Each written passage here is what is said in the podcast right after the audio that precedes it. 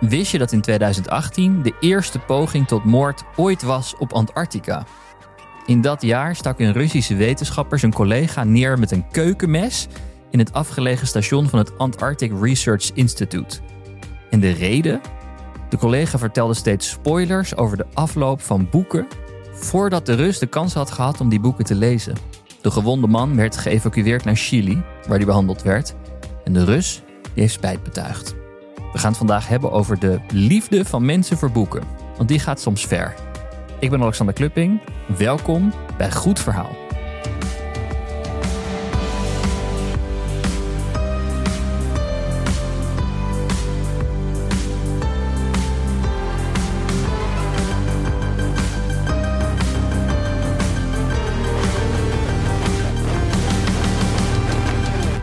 In deze podcast geven we talentvolle makers de kans om goede verhalen te vertellen.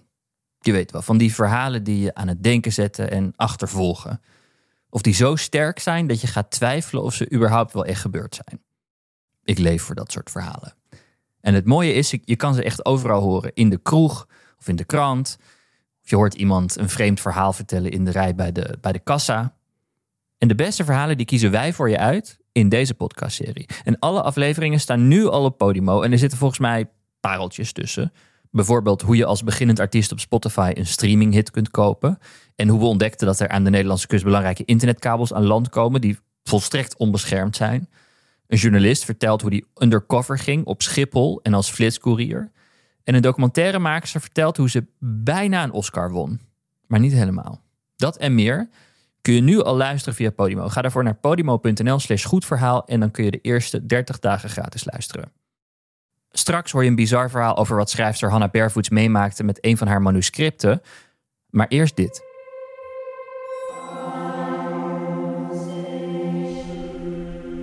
Voor de monniken in het klooster van Mont Saint-Odile leek het wel het werk van de duivel. Zo schrijft Paul Webster in The Guardian. Namelijk tussen 2000 en 2002 verdwenen er beetje bij beetje meer dan duizend bijzondere boeken uit de hooggelegen kloosterbibliotheek. Op de top van de berg in de Vogezen was twee jaar lang namelijk een dief actief. En die dief die stal antieke boeken, soms zelfs uit de 15e eeuw, zonder een spoor achter te laten. En die boeken die verdwenen zorgden natuurlijk voor heel veel onrust onder de monniken en de nonnen, en die begon op een gegeven moment zelfs elkaar te beschuldigen van die diefstal. En daarop besloot de monnik die de baas was van de bibliotheek aangifte te doen bij de politie. De sloten werden vervangen en de deur van de bibliotheek werd versterkt met gehard staal. Maar het hielp niet. Zelfs tijdens het onderzoek van de politie bleven boeken verdwijnen.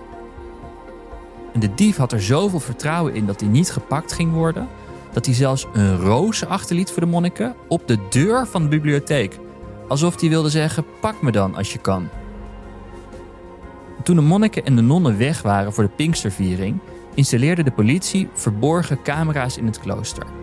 En terwijl de avond viel, zag de politie op schermen hoe de 33-jarige Stanislas Gos drie koffers met boeken vulde. Hij werd gearresteerd terwijl hij met het touw rondliep dat hij gebruikte om over de buitenmuren van het kloosterterrein te klimmen. In zijn flat in Straatsburg ontdekte de politie talloze boeken van onschatbare waarde. En die boeken, waarvan sommige zelfs houten kaften hadden en kilo's wogen, had Gos steeds met zijn fiets naar zijn appartement gebracht. Tijdens de rechtszaak die erop volgde bleek hoe Gos die boeken had kunnen stelen. Want hij had namelijk een verborgen kaart gevonden in een publiek archief. En daarop was een geheime gang zichtbaar. En die leidde dan van de zolder van het klooster naar die bibliotheek.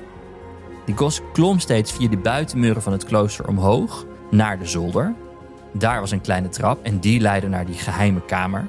En hou je vast, een verborgen mechanisme op de achterkant van een van de vijf kasten ontsloot een opening waardoor hij door de kast kon klimmen om in de bibliotheek te komen.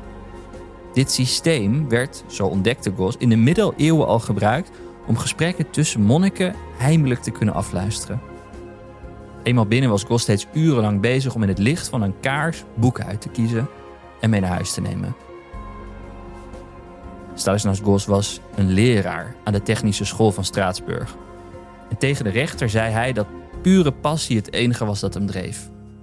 Hij zei: Ik ben bang dat mijn brandende passie voor boeken de overhand nam op mijn geweten. Het klinkt misschien egoïstisch, maar ik had het gevoel dat de boeken verwaarloosd werden. Ze zaten onder het stof en de duivenpoep en ik had het gevoel dat niemand de boeken meer aanraakte. Zijn advocaat benadrukte dat Gos goed voor de boeken had gezorgd en dat hij sommige zelfs gerestaureerd had.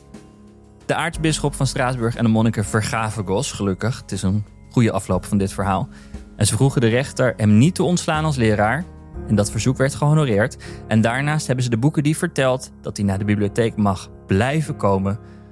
Als hij tenminste voortaan maar door de voordeur komt.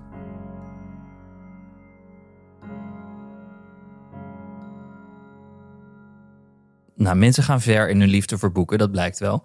En een tijdje liep er nog zo'n dief rond. Het is een iets ander verhaal, maar niet minder gek. Een dief die ongepubliceerde manuscripten van nieuwe boeken wist bemachtigen. En daarover gaat ons verhaal van de week, gemaakt door theatermaker en podcastmaker Inge Wanet. Een manuscriptendief benaderde schrijvers van over de hele wereld via e-mail in hun eigen taal. En hij deed zich dan voor als mensen die die schrijvers kenden. Bijvoorbeeld een medewerker van een uitgeverij of een agent. dan ging hij heel slim te werk, waardoor heel veel verschillende literaire auteurs erin trapten. Zij stuurden hun manuscripten op naar deze dief. En Hannah Barefoots was zo'n slachtoffer.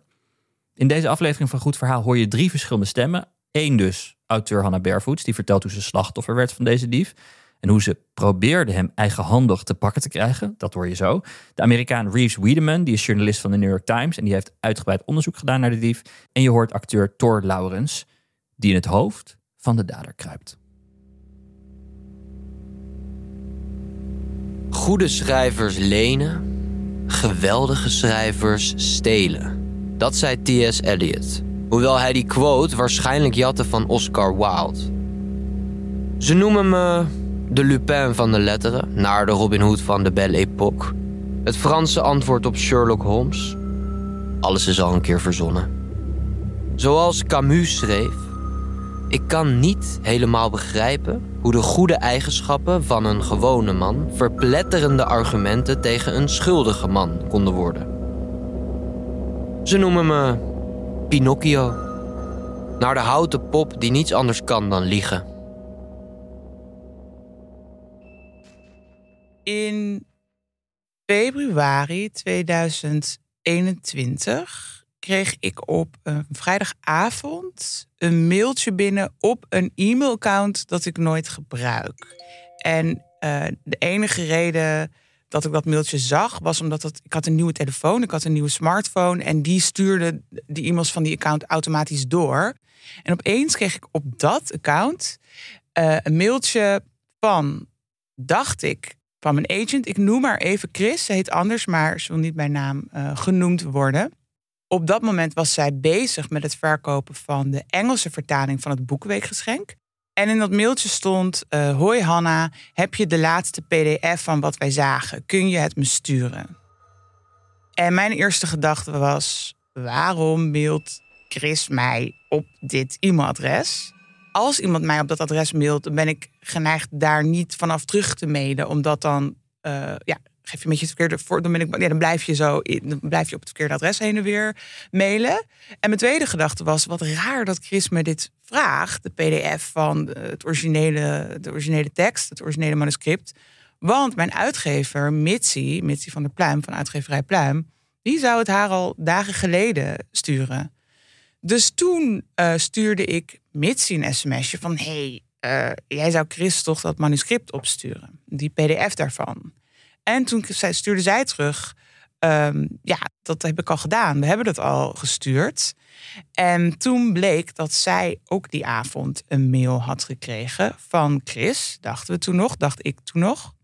En um, haar mail was net iets anders geformuleerd. Er stond kun je me de laatste manuscript van wat wij zagen sturen? Dus er zat een taalfout in. De manuscript. En dat is natuurlijk het uh, manuscript. En Mitsi was eigenlijk meteen, uh, die had meteen argwaan. Dus uh, die zei, zou hier iets anders aan de hand kunnen zijn? Dat het Chris helemaal niet is.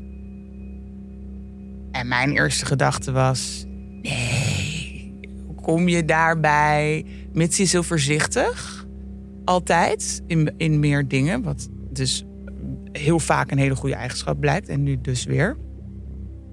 Ik dacht, nee, dat zal toch niet? Ehm, en toen heeft Mitzi, mijn agent Chris, een appje gestuurd van... hé, hey, we hebben deze mails, komen die van jou? En toen stuurde Chris dus terug... nee, ik heb jullie niet gemaild. The email addresses uh, that were sending these messages were not the email addresses for, for the people in question, but they looked a lot like the email addresses um, for, for each of these people.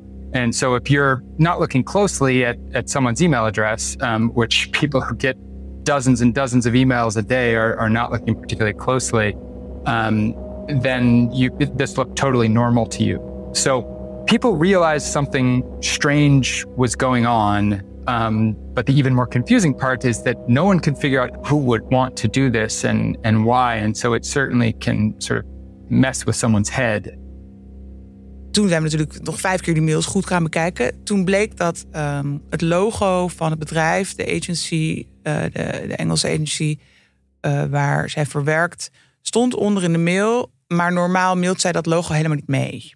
En uh, in het e-mailadres was één letter anders dan in het originele adres van Chris. Eén letter verschil.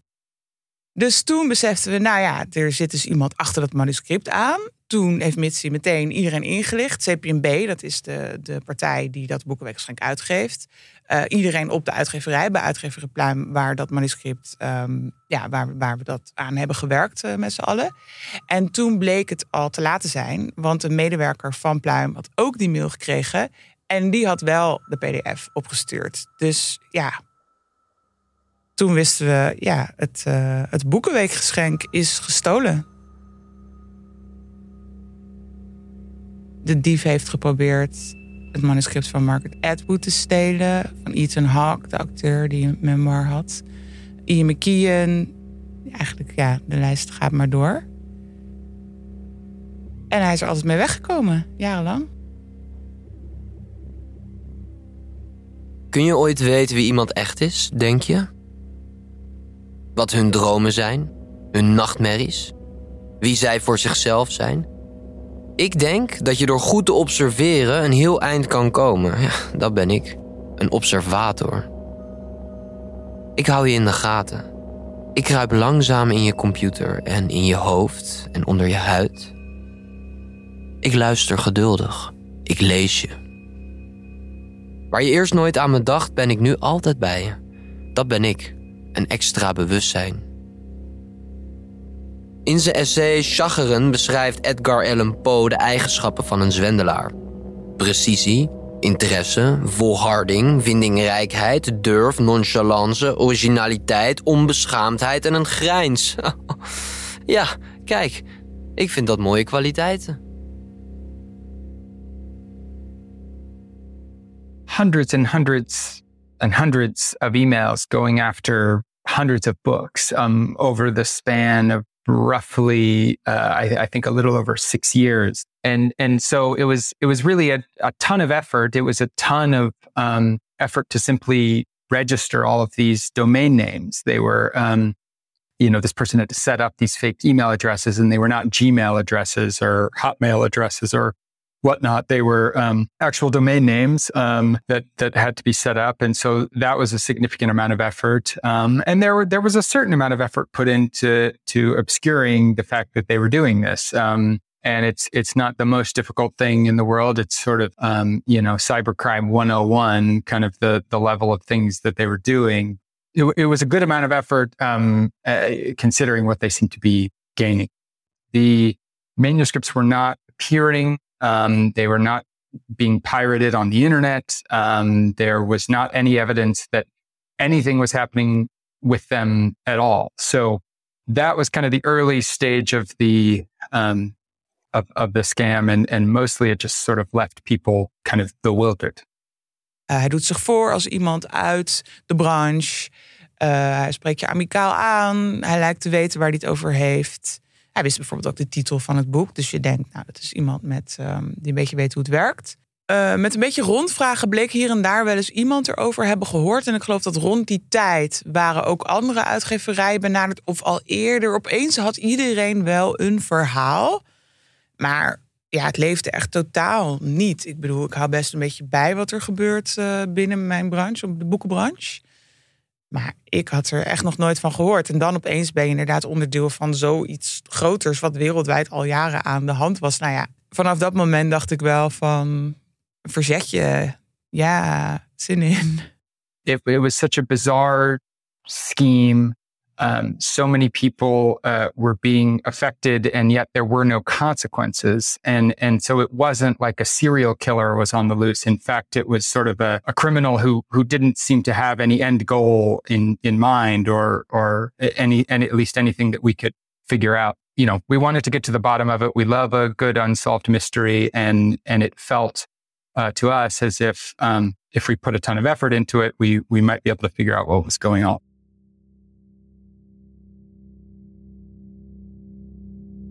Natuurlijk denkt iedereen meteen aan geld. Och, zo vulgair, zo banaal. Maar ja, geld is wel geld en het verdienen is simpel. Iedereen weet dat P.T. Barnum nooit heeft gezegd: er wordt elke minuut een sukkel geboren en iemand om hem te tillen en iemand om hem te waarschuwen. Maar ja, hij had wel gelijk. Ik zou je af kunnen persen voor je creditcardgegevens, je boek voor veel kunnen verkopen op de zwarte markt of aan filmmakers in Hollywood of aan echt heel enthousiaste lezers. Ik zou een boek kunnen schrijven gebaseerd op jouw manuscript en dat dan eerder uit kunnen geven en dan met alle eer gaan strijken. Ik zou een voorsprong kunnen behalen met het vertalen van je boek, bakken met geld kunnen verdienen aan wat jij mij vrijwillig opstuurde. Ik zou alle manuscripten één voor één aan een supercomputer kunnen voeren. Langzaam leert die machine zelf de beste boeken te schrijven terwijl ik er met mijn voeten op het bureau naast zit. Misschien deed ik het allemaal wel in opdracht van de Russische Veiligheidsdienst. Binnenlopen in een poging onze culturele industrie te ondermijnen. Of voor een internationaal crimineel syndicaat of Chinese autocraten. Maar ergens in de diepte van alle verhalen, onder alles wat er al geschreven is, moet toch nog een nieuw idee zitten? Een plot zo groots, nog nooit verteld, de heilige graal. Die kan ik alleen vinden als ik alles ken wat er al is. Die alleen ik kan vinden. Van alle woorden die er zijn, zal ik het allerbeste creëren, maar de pagina blijft leeg. Ik krijg de critici in mijn hoofd niet gemelkorfd. In ieder geval niet lang genoeg om daadwerkelijk iets op papier te krijgen. Dat zou het mooiste zijn, hè? Als ik een gefrustreerde schrijver blijkt te zijn.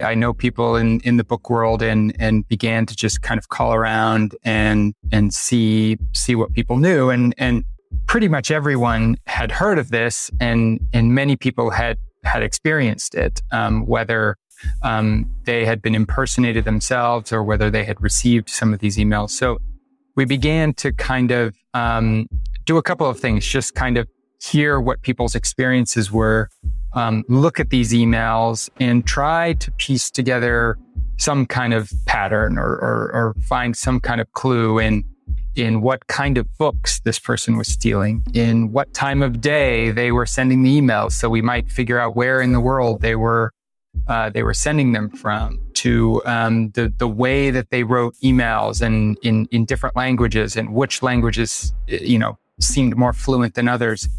And so we we compile hundreds and hundreds of these emails um, and and attempted to sort of triangulate um, what what happened. And, and I think unfortunately for us, as, as we kind of got deeper into it, um, you know, the, the, the path was not clear and, and we could, we could read into certain things, um, one possibility, but then some other set of emails would, would rule out a particular suspect or make our, our theory of the case sort of unlikely. So it was, it was a process of trying to accumulate as much information as we could, but, but ultimately we were still kind of lost in the maze. It was incredibly frustrating. Twee weken hebben we even niks gedaan. Het manuscript dook niet op. Na twee weken was ook voor mij wel duidelijk van, nou ja, dat, dat gestolen manuscript gaat echt niet opduiken ergens. Mm, alles was weer, ja, dacht er niet meer zo heel veel aan. Maar het bleef toch een beetje knagen dat ik dacht, ja, wat, waar, wat is er nou gebeurd? Waarom, wie doet dit nou? Waarom doet hij dit nou? Of de zij, ik dacht misschien is het een zij. Ehm, of een collectief aan meerdere mensen. Hoe werkt het? Waar is nu mijn manuscript? Het bleef toch knagen. En toen dacht ik, ik ga gewoon terugmailen. Toen begon ik hem met mailen. En toen ik begon met mailen, had ik eigenlijk twee uh, doelen. Ik dacht, ik wil hem, ik zeg nu maar even hem, uh, aan de praat houden. En dan hopen dat hij een fout maakt. Dat hij ergens iets van informatie in die mail lekt. Of, of, of ja, weet ik veel, of een bepaalde spelfout. Ik weet niet, hoopte ik van misschien vind ik dan aanwijzingen. En ik was heel benieuwd of de persoon uh, die mij dus mailde, de scammer, noemden we hem toen ook onderling. Van een scam, de scammer. Um, of die las wat hij stal. Of hij wist wat er nou in dat manuscript stond. En mijn theorie was toen als hij het niet leest, dan werkt hij voor een grotere partij. Dan werkt hij voor iets of iemand anders. Dan stuurt hij het gewoon door. Dus toen uh, schreef ik, uh, nou hallo, ik zie deze mail nu pas. Ik gebruik dit account niet zo vaak, wat dus waar was. Is het goed gekomen met het manuscript? Heeft Mitsi jou dat inmiddels gestuurd? Nou, send. Beetje kloppend hart, dat ik dacht, oeh, ik ben toch aan het liegen. Twintig minuten later kreeg ik... Ha, Hanna. Ha, Hanna. Maak je niet druk. Maak je niet Smiley. druk. Ja, ik heb de pdf ontvangen. Schrijf je nu de nieuwe roman? Dus toen dacht ik, ja, hij doet natuurlijk nu precies wat hij bij iedereen doet. Um, hij wil zoveel mogelijk teksten, zoveel mogelijk manuscripten, zoveel mogelijk nieuw uh, materiaal. Dus ik uh, mailde meteen terug. Ha, fijn. Ja, ik schrijf aan een nieuwe roman. Dat idee waar ik je laatst voorzichtig over vertelde. Ik denk dat het een boek kan worden. Jij ook, toch? Dit zou ik nooit aan mijn agent mailen. Dit zou ik nooit aan Chris mailen. Want dat is niet de band die wij toen hadden. We werkten toen ruim een half jaar samen. En in het buitenland werkt het vaak zo dat um, een schrijver stuurt nieuwe teksten eerst naar zijn agent. En soms is de agent zelfs uh, ook, uh, die redigeert uh, ook zelf. En de agent gaat het dan samen ontwikkelen en dan proberen te verkopen aan andere uitgeverijen. Dat is heel Amerikaans. Maar in Nederland kennen we het fenomeen agent veel minder lang nog. En heeft de agent ook vaak een andere rol. Die gaat toch echt meer over verkoop. En stuur je tekst als eerst naar je redacteur. Maar het was dus duidelijk dat deze bedrieger niet zag hoe het in de Nederlandse literaire wereld normaal uh, gaat. Dus daar speelde ik uh, op in. Ik was heel benieuwd ja, waar hij mee terug zou komen. Wat voor leugens die zou verzinnen. Um, best riskant, want hij had ook kunnen denken... oei, ik heb hier geen antwoord op. Welk boek? Ik ben weg. Dus achteraf gezien denk ik, oeh, riskante stap. Maar hij mailde terug. Hij stuurde, ja, Ja, ik ik herinner. herinner. Kan je mij de eerste hoofdstukken sturen of de eerste pagina's die je schreef? Dank je. En toen dacht ik, hier voor mij zaten hier uh, boodschappen in. We speelden nog een beetje met het idee, misschien is het een Nederlander, omdat er Nederlandse mails kwamen. Maar er stond natuurlijk ook al die fout met de, het manuscript. En dit voelde mij gewoon, dit voelde voor mij als Google Translate taal van ik herinner. Um, de eerste pagina's die je schreef, dat is net die verleden tijd gebruik je net niet zo in spreektaal. Want de eerste pagina's zou je dan denk ik, uh, denk ik doen. Um, toen kreeg ik twee jaar later datzelfde bericht nog een keer. Gewoon gecopy-paste. Dus het kan een foutje van hem zijn. Of een manier om druk te zetten. Dat hij dacht, en dan voelt ze zich opgejaagd. Ik had ook het idee bij de eerste keer dat hij me benaderde, die vrijdagavond, dat dat tijdstip niet toevallig was. Want vrijdagavond, ja, in mijn geval was het ook zo. Ik was net aan het weggaan. Ik had hier geen zin in. Voor hetzelfde had ik even, ik let niet op, ik druk vlug cent, ik ben gaar. Um, dus ik had nu ook het idee dat dit strategie, uh, strategie was. Toen um, mailde ik weer terug. Ik moet vandaag optreden, maar kijk morgen even wat ik je kan sturen. Spannend hoor, ben benieuwd wat je ervan vindt. En dat was natuurlijk, dat vroeg ik natuurlijk omdat ik wilde weten, leest hij wat hij steelt? En toen antwoordde de dief. Oké, okay, maak je geen zorgen. Dus dat was dan denk ik, don't worry. Want maak je geen zorgen is ook raar om te zeggen in het Nederlands. Stuur me een paar hoofdstukken en ik zal het lezen. En toen ging ik natuurlijk bedenken, oké, okay, uh, ga ik hem nou iets sturen? Wat ga ik hem dan sturen? Uh, wat, wat wil ik daarmee? Wat hoop ik daarmee? Wat zijn de, de doelen en strategieën? Toch altijd in het achterhoofd uh, houden. En toen besloot ik hem echt iets te sturen um, wat authentiek over zou komen, omdat het authentiek was. Kijk, ik had hem een oud verhaal kunnen sturen, of ik had hem een gepubliceerd boek kunnen sturen. Maar dan zou hij, als hij een beetje het zou natrekken, ontdekken: oké, dit boek bestaat al, ik word voor de gek gehouden. En dan zou hij weg zijn.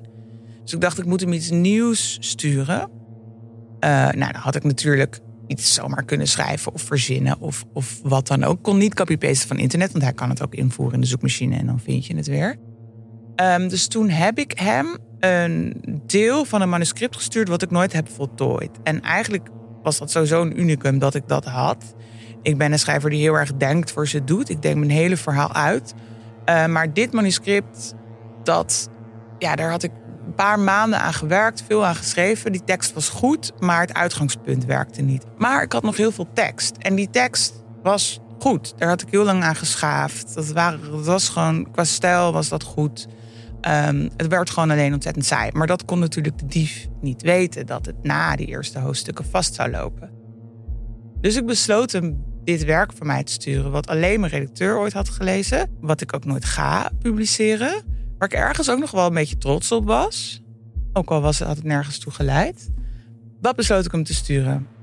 Uh, en het was maandag en ik stuurde, ik had een druk weekend, maar heb vandaag de hele dag geschreven. Bij deze stuur ik je het eerste deel van mijn nieuwe roman. Ik ben al volop aan het schrijven aan het tweede deel. Maar daar wil ik nog aan schaven. Kun je me vertellen wat je hiervan vindt? Wat werkt er? Wat kan beter? Ik ben benieuwd. Wees vooral eerlijk, dan stuur ik je later weer meer. Eerste hoofdstukken, het ongepubliceerde manuscript. Uh.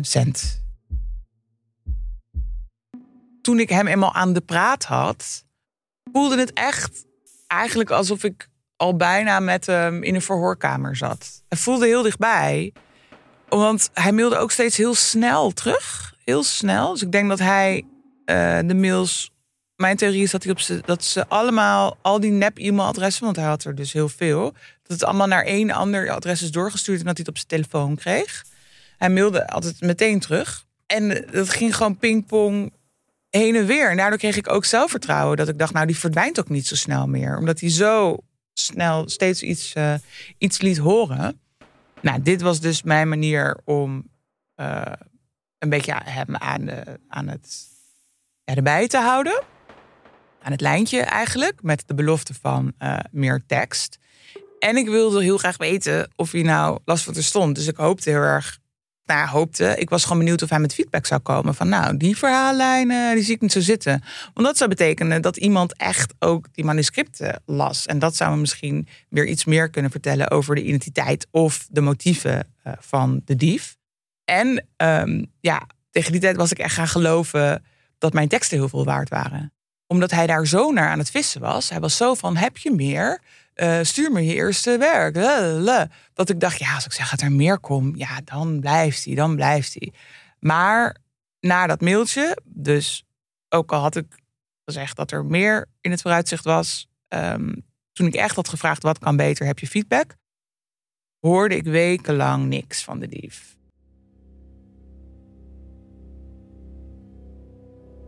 Het dierenrijk zit vol met leugenaars.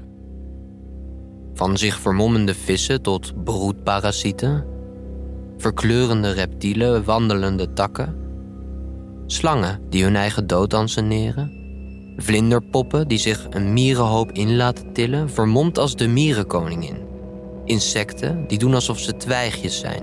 Zo zie je ze wel, zo zie je ze niet. De mens is niet uniek. Eén vlijend mailtje één blijk van interesse in jouw nieuwe novelle. Pling, hey, ik zie je. Ik erken je. En soms is dat al genoeg. Ik vraag, jij klikt op versturen. Je hoeft je niet te schamen. Zo zie je me wel, zo zie je me niet. De mens is niet uniek. De drang om origineel te zijn is een van de dingen die ons van andere dieren onderscheidt. Dat schreef jij toch, Hanna? En ik? Ik stroop mijn vel af. Rondom mij liggen stukken oude huid. Ik ben alweer gegroeid.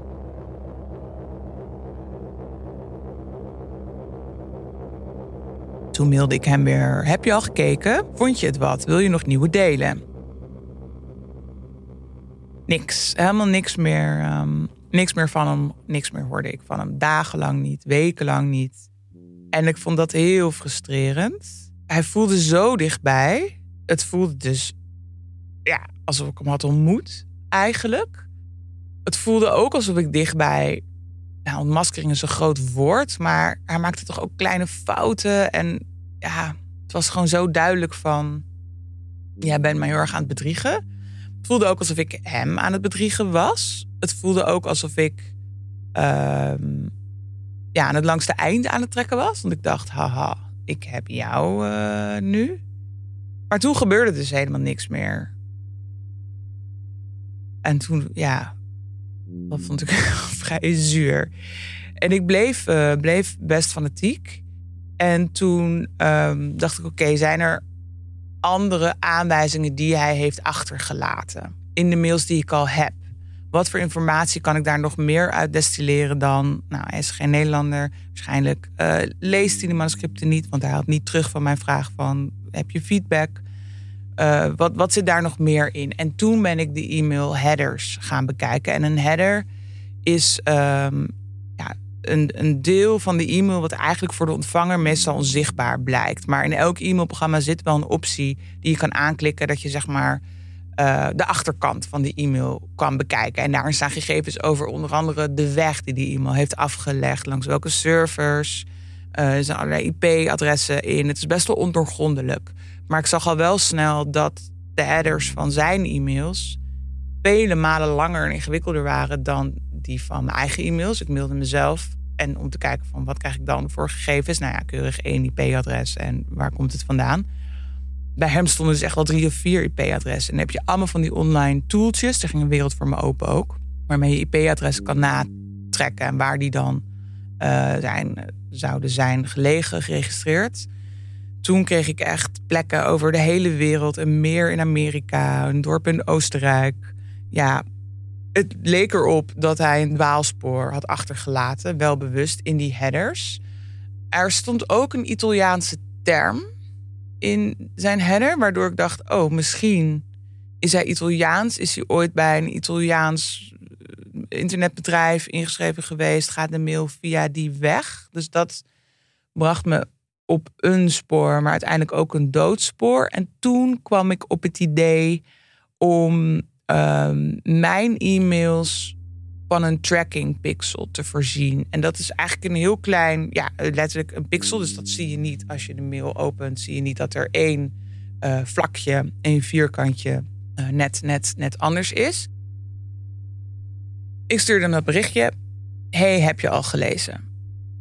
Toen opende dat trackingprogrammaatje. Het was echt. Ik had het nog helemaal niet zien functioneren. Dus ik dacht, wow, het werkt. En toen bleek hij die mail meteen te openen. Dus ik dacht, oh, hij leest gewoon alles nog. Dus hij leest ook al die andere berichtjes van dat ik stuurde. Oh, heb je al gelezen? Dus hij, ja, hij weet gewoon dat ik hem zoek. En toen, eerst voelde ik een soort schaamte. Dat ik dacht, oké, ik lijk een gek. Want hij leest gewoon alles. Ik heb hem nou al vier keer gestuurd van, heb je altijd gehad? Wat vond je ervan?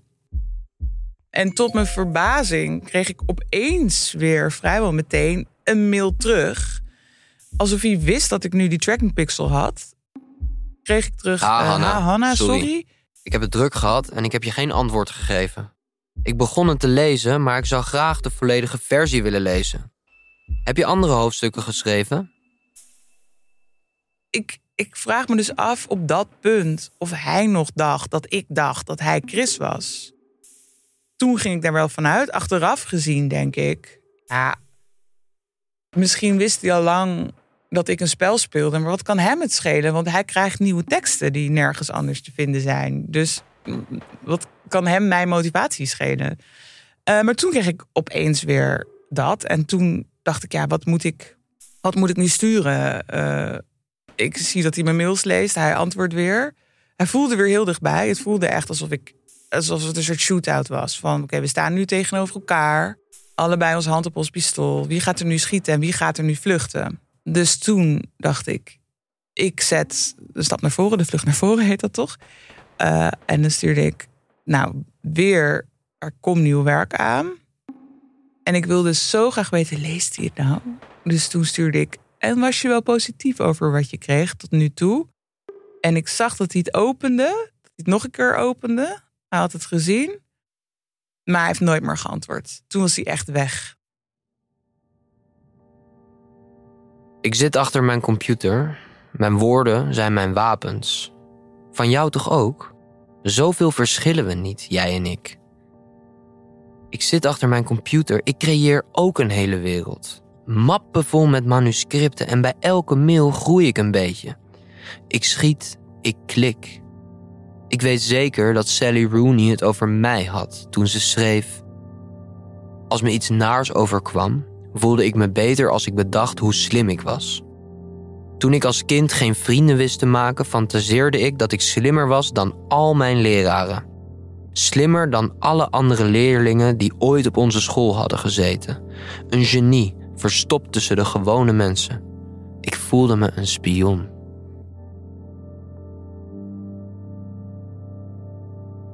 Ja, er deden heel veel theorieën in de ronde van wat, waar weer mee te maken. Hij had een groep mensen die zei van dit is eh, Rusland eh, slash China. Dat is een beetje een James Bond uh, narratief. Van het wordt gestolen daar en dan gaan ze daar zo'n piraten, piraterij, uh, een bootlegboek ervan maken. Of als, als je een Chinese versie op de markt brengen. Maar dat leek weer onwaarschijnlijk, omdat stel het is China tussen aanhalingstekens dan kunnen ze ook wachten tot het legale boek uit is en dat meteen op de markt brengen, op, op wat voor manier dan ook. Um, ja, dus nou ja, oké, dat was één groep. Uh, er was een groep die dacht inderdaad aan een scout. Van, dit is iemand die zoveel mogelijk verhalen wil, als eerste wil weten, zodat hij als eerste als opdrachtgever iets, iets kan zeggen. Ik heb dit, je moet nu naar die uitgeverij, je moet die rechten kopen. Er waren echt verschillende mensen die dachten dat het een AI-project was. Is niet één persoon, maar echt verschillende mensen die allemaal op hun eigen manier dachten dat eh, de manuscripten gevoerd zouden worden aan kunstmatige intelligentie. En dat dan dat een soort van megabot op zou leveren die dan zelf boeken zou kunnen schrijven, produceren. Maar ja, dat argument was ook vrij makkelijk onderuit te halen, want je kan ook gewoon alle miljoenen legale boeken die er nu zijn, gewoon heel Google Books, uh, aan, aan zoiets uh, voeren. Dan was er nog uh, een groep die zei van misschien gaat het helemaal niet om financieel gewin. Misschien is het um, iemand die de boekenbranche wil terugpakken. Want het is voor mensen, het is best een gesloten branche. Er zijn heel veel mensen die een boek willen publiceren die er niet die tussen komen. Volgens sommigen is het een ondemocratische branche. Er bestaat een idee, eh, zoals denk ik in elke, creatieve branche, of misschien elke überhaupt commerciële branche, dat het heel erg gaat om connecties. En als mensen geen connecties hebben, kom je er niet in. Nou, dat is een beetje een cliché-beredenering die niet altijd opgaat, maar soms ook wel opgaat. En dan was het idee van, ja, dit is iemand die daar tegen ingaat. Die steelt gewoon die manuscripten en dan op een dag zal die ze allemaal online zetten. En dan is werk ook rechtenvrij. Een beetje zo'n soort Robin Hood-achtig uh, narratief. En er waren er mensen die meer dachten aan een uh, lone wolf. Iemand die of gewoon heel leuk vindt om boeken alvast te lezen. Gewoon literatuurliefhebber. Of het gewoon een leuke sport vindt om ja, die boeken allemaal als eerste te hebben. Als een soort fanboy boeken-nerd van haha, ik heb ze als eerste. Het mooiste aan Arsène Lupin van Maurice Leblanc vind ik dat hij alles lijkt te kunnen. Hij is een meester in vermomming. Hij beheerst allerlei vechtsporten zoals schermen en jiu-jitsu en het kat-en-muisspel met de politie is voor hem belangrijker dan rijkdom. Ik zal niet aanwezig zijn bij mijn proces zegt hij in het boek Gentleman Burglar. Lupin is inspecteur Ganimard altijd één stap voor, zelfs als hij gepakt wordt. Ik denk dat de verdachte die nu is opgepakt, dat dat de dader is. ik wil niet al mijn geld erop inzetten dat hij alleen handelde. Maar ik denk eigenlijk ook dat hij alleen handelde. Ehm, ik denk dus dat we het antwoord moeten zoeken in de meest onwaarschijnlijke theorieën. Theorieën waarvan ik toen dacht, ja, dat is het sowieso niet. Toch die lone wolf theorieën. Uh, de eenzame gek tussen aanhalingstekens. Ik denk niet dat het een gek was.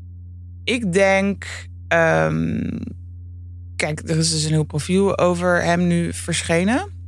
Waarin er staat dat hij al een roman had geschreven toen hij veel jonger was waarin hij beschrijft hoe een tiener het manuscript van Harry Potter steelt. En dan heeft hij het als eerste en dat verschaft hem dan heel veel status. En zoals ik het begrijp, is hij iemand die ja, hoopte snel hogerop te komen binnen de boekenbranche.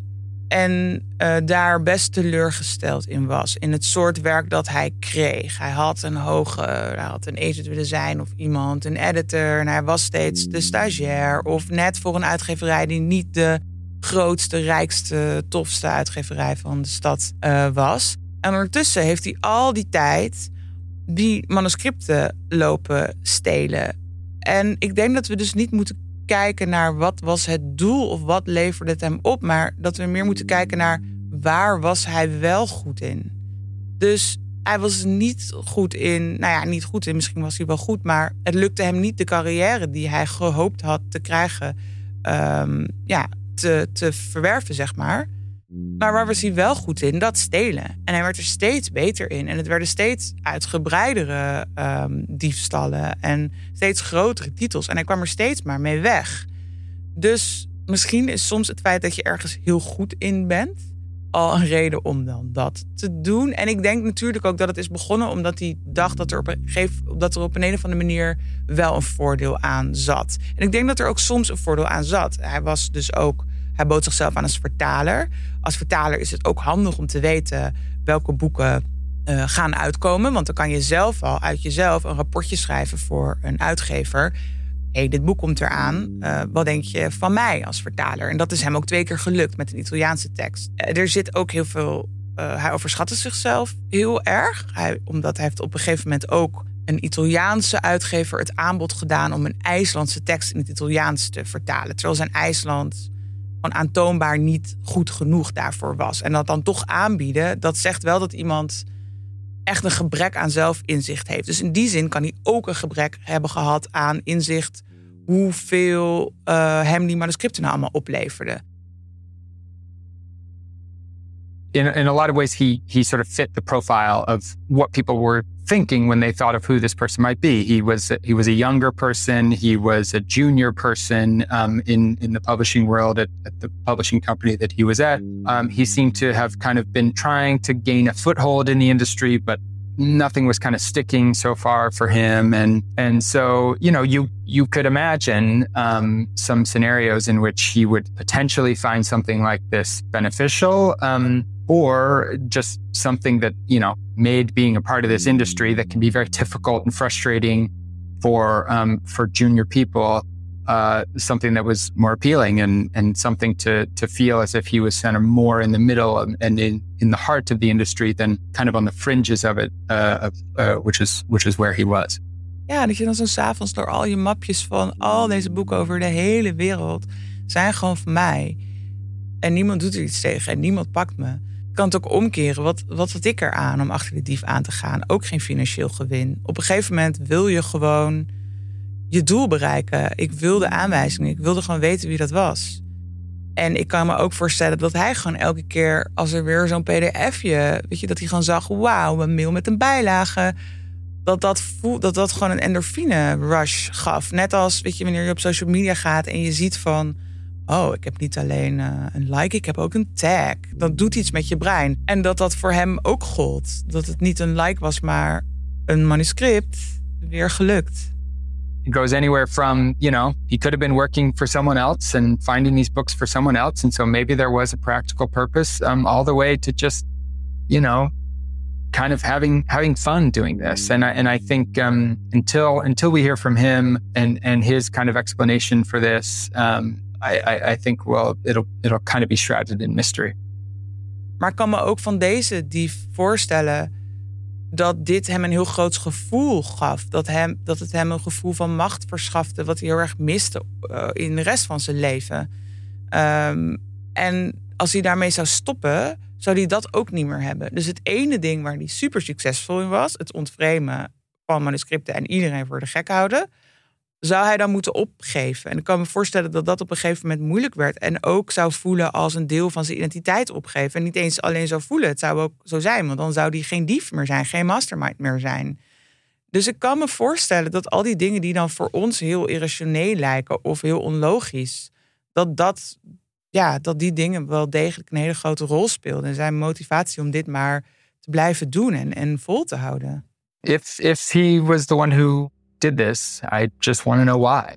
Um, and and not even because I'm I'm mad about it or because I think it's the worst crime in the world. In fact, in in many ways, it it caused people a lot of heartache and grief and a bit of anxiety, but but no real consequences. And and so not to to prosecute him or punish him, but but to simply understand kind of what was motivating him um, and and why uh, he he apparently decided to to start doing this um, and to continue doing this for years and years is kind of the big remaining question that I think we all have. Als jij kon kiezen wie je was, zou je dan een bijpersonage zijn in een kort verhaal? Een krabbel in de zijlijn? Een achtergrondfiguur die een hoofdstuk later alweer vergeten is? Of zou je er liever echt toe doen? Zoals Kaufman schreef, elk verhaal heeft zijn held nodig. En zijn slechterik en zijn monster. Kun je ooit weten wie iemand echt is, denk je? Slechterik? Monster? Held?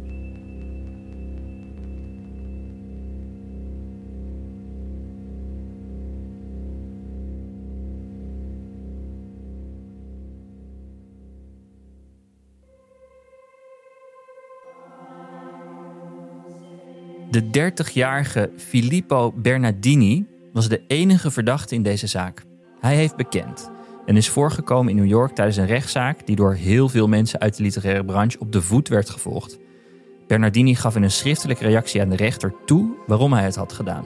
Hij wilde de boeken als eerste lezen, want daardoor voelde hij zich speciaal. En zoals hij zelf zei, het voelde alsof ik een unieke band had met de schrijvers. Dit verhaal loopt minder goed af, Bernardini hoefde niet de gevangenis in, maar is wel het land uitgezet en moet 82.000 euro schadevergoeding betalen aan uitgeverij Penguin Random House voor de juridische kosten die zij hebben gemaakt. Dit was Goed Verhaal, deze week van Inge Wanet. Met heel veel dank aan Hannah Barefoots en Reeves Wiedemann van de New York Times. En veel dank aan Thor Laurens van House of Voice. De muziek was van de Eigler Brothers en de eindmixage door Jeroen Sturing. En de eindredactie is zoals altijd in handen van Charit Alles. Volgende week zijn we terug met een verhaal over Marcel van Roosmalen en het dorp waarin hij woont, waarin hij zich niet heel erg welkom waant. Dat hoor je volgende week of nu al via podimo.nl/slash goedverhaal.